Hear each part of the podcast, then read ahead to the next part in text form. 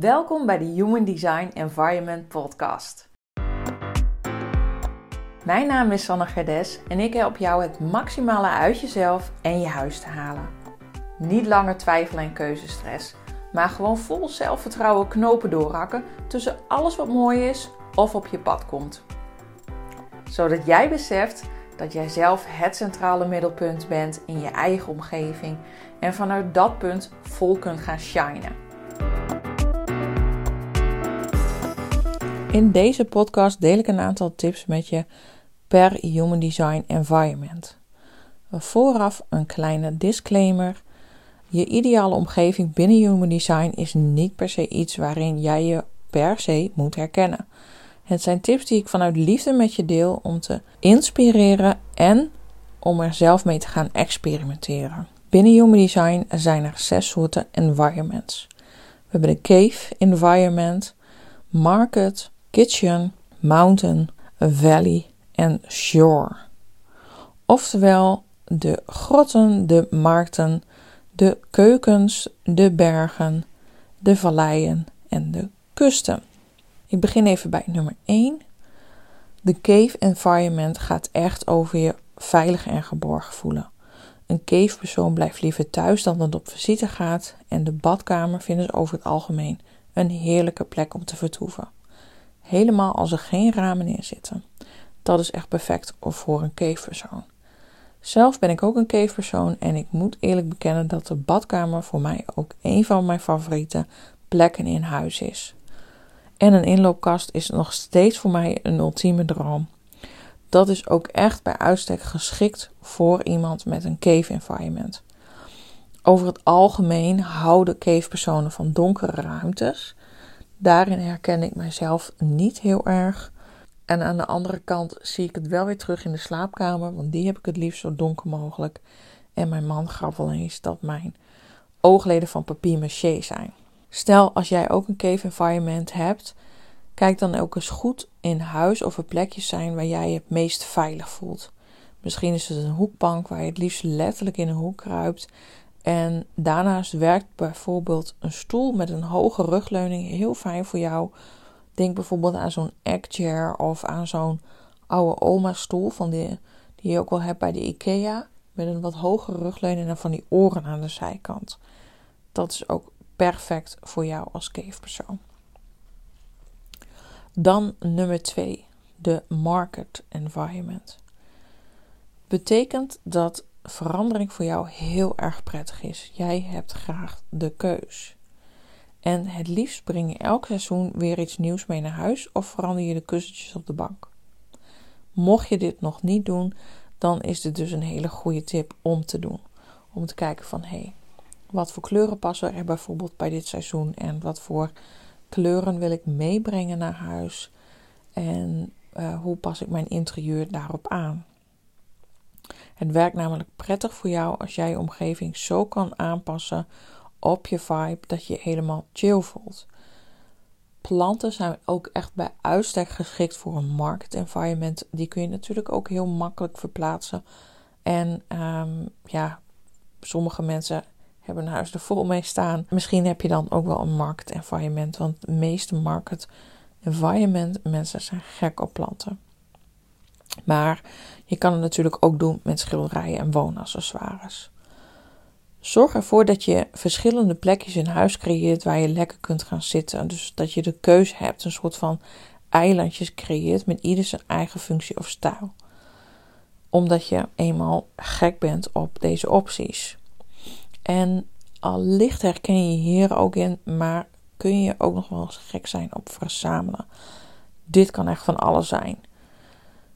Mijn zoon en dochter hebben beide een market environment. En bij mijn zoon herken ik het heel erg. Hij is dol op stenen en overal waar hij komt stopt hij zijn zakken vol met stenen. Tot groot ongenoegen van mijn man, want die vindt ze weer terug in de wasmachine. En laatst, ik moest er echt zo vreselijk om lachen, maar toen haalde ik hem op van de BSO en toen had hij gewoon zelfs een halve baksteen in zijn tas gestopt. En als het aankomt op het interieur, zorg er dan voor dat het in ieder geval geen bij elkaar geraapt zootje wordt. En dat je van alles en nog wat aan het verzamelen bent door de jaren heen. En zorg ervoor dat je elk seizoen weer eens grondig door je spullen gaat en kijkt van hé, hey, wat dient mij nog wel en niet. En als je echt zo'n verzamelaar bent en bijvoorbeeld souvenirtjes meeneemt van huis of weet ik het wat, zorg er dan voor dat je daar een één mooi plekje van in huis hebt. En niet dat je je hele huis ja, vol zit met overal ditjes en datjes. Want dat, dat werkt gewoon niet goed voor jou. Dan nummer drie, de kitchen environment. De keuken is natuurlijk vaak de centrale plek in huis, of wordt ook wel eens het hart van het huis genoemd. En misschien is het ook wel voor jou de meest fijne plek in huis. Maar het kan ook heel goed zijn dat dit een andere plek is in huis. Het is namelijk vaak de plek waar iedereen zich verzamelt of bij elkaar komt. En dat kan natuurlijk net zo goed de woonkamer zijn of een andere ruimte in huis waar je graag gasten ontvangt. Mocht je de ruimte hebben, plaats dan eens je bed of een bank midden in de ruimte en kijk eens hoe dat voelt. Dus zet ook letterlijk zeg maar het meubelstuk van de ruimte van de slaapkamer of van de woonkamer midden in de woonkamer. Probeer het gewoon eens. Experimenteer hier eens mee. Top het af met een vet schilderij of een behang of een te gekke print waardoor je visueel geprikkeld wordt. Dit schijnt namelijk erg goed voor jou te werken. En wat ook vaak zo is voor de mensen met een kitchen environment, kan het bed echt een heilige plek zijn. Dus dat betekent dat jij hier s'avonds vaak de diepste gesprekken gevoeld, geheimen vertelt aan je partner, discussie voert of diepgaande gesprekken hebt. Jouw omgeving hoeft niet per se spik en span te zijn, maar wel georganiseerd. Niet te veel rommeltjes en ditjes en datjes. En jij bent misschien wel het type dat geneigd is om overal snuisterijen neer te zetten. En zorg ervoor dat je dus dan niet in elke hoek wat zet. Want daardoor oogt het echt rommelig en heb je geen georganiseerde chaos meer. Dan nummer 4. De mountain environment. Jij bent gek op groot, grootse, groots.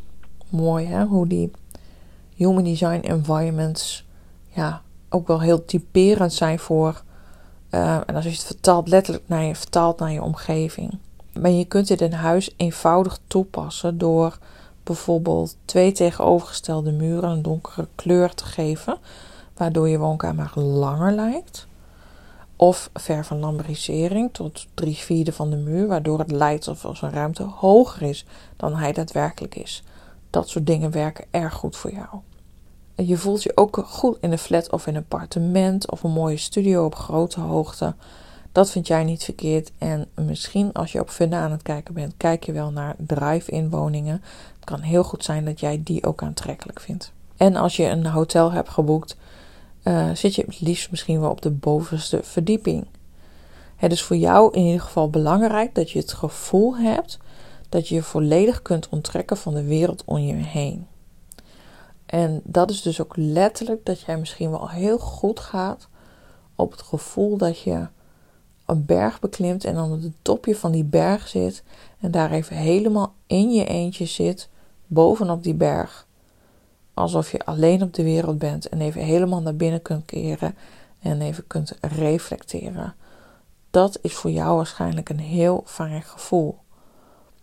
Geen rommeltjes, ook voor jou, maar een ruimte die clean is, waar de energie dus goed kan flowen en er letterlijk en figuurlijk genoeg ademruimte is. Dan voel jij je op je best. Dan nummer 5, valleys, ofwel valleien. Nou, mijn moeder heeft deze environment en woont op een heel groot stuk land omringd door bomen. Bij de entree hangt een bord met daarop rust en ruimte. Echt zo toepasselijk.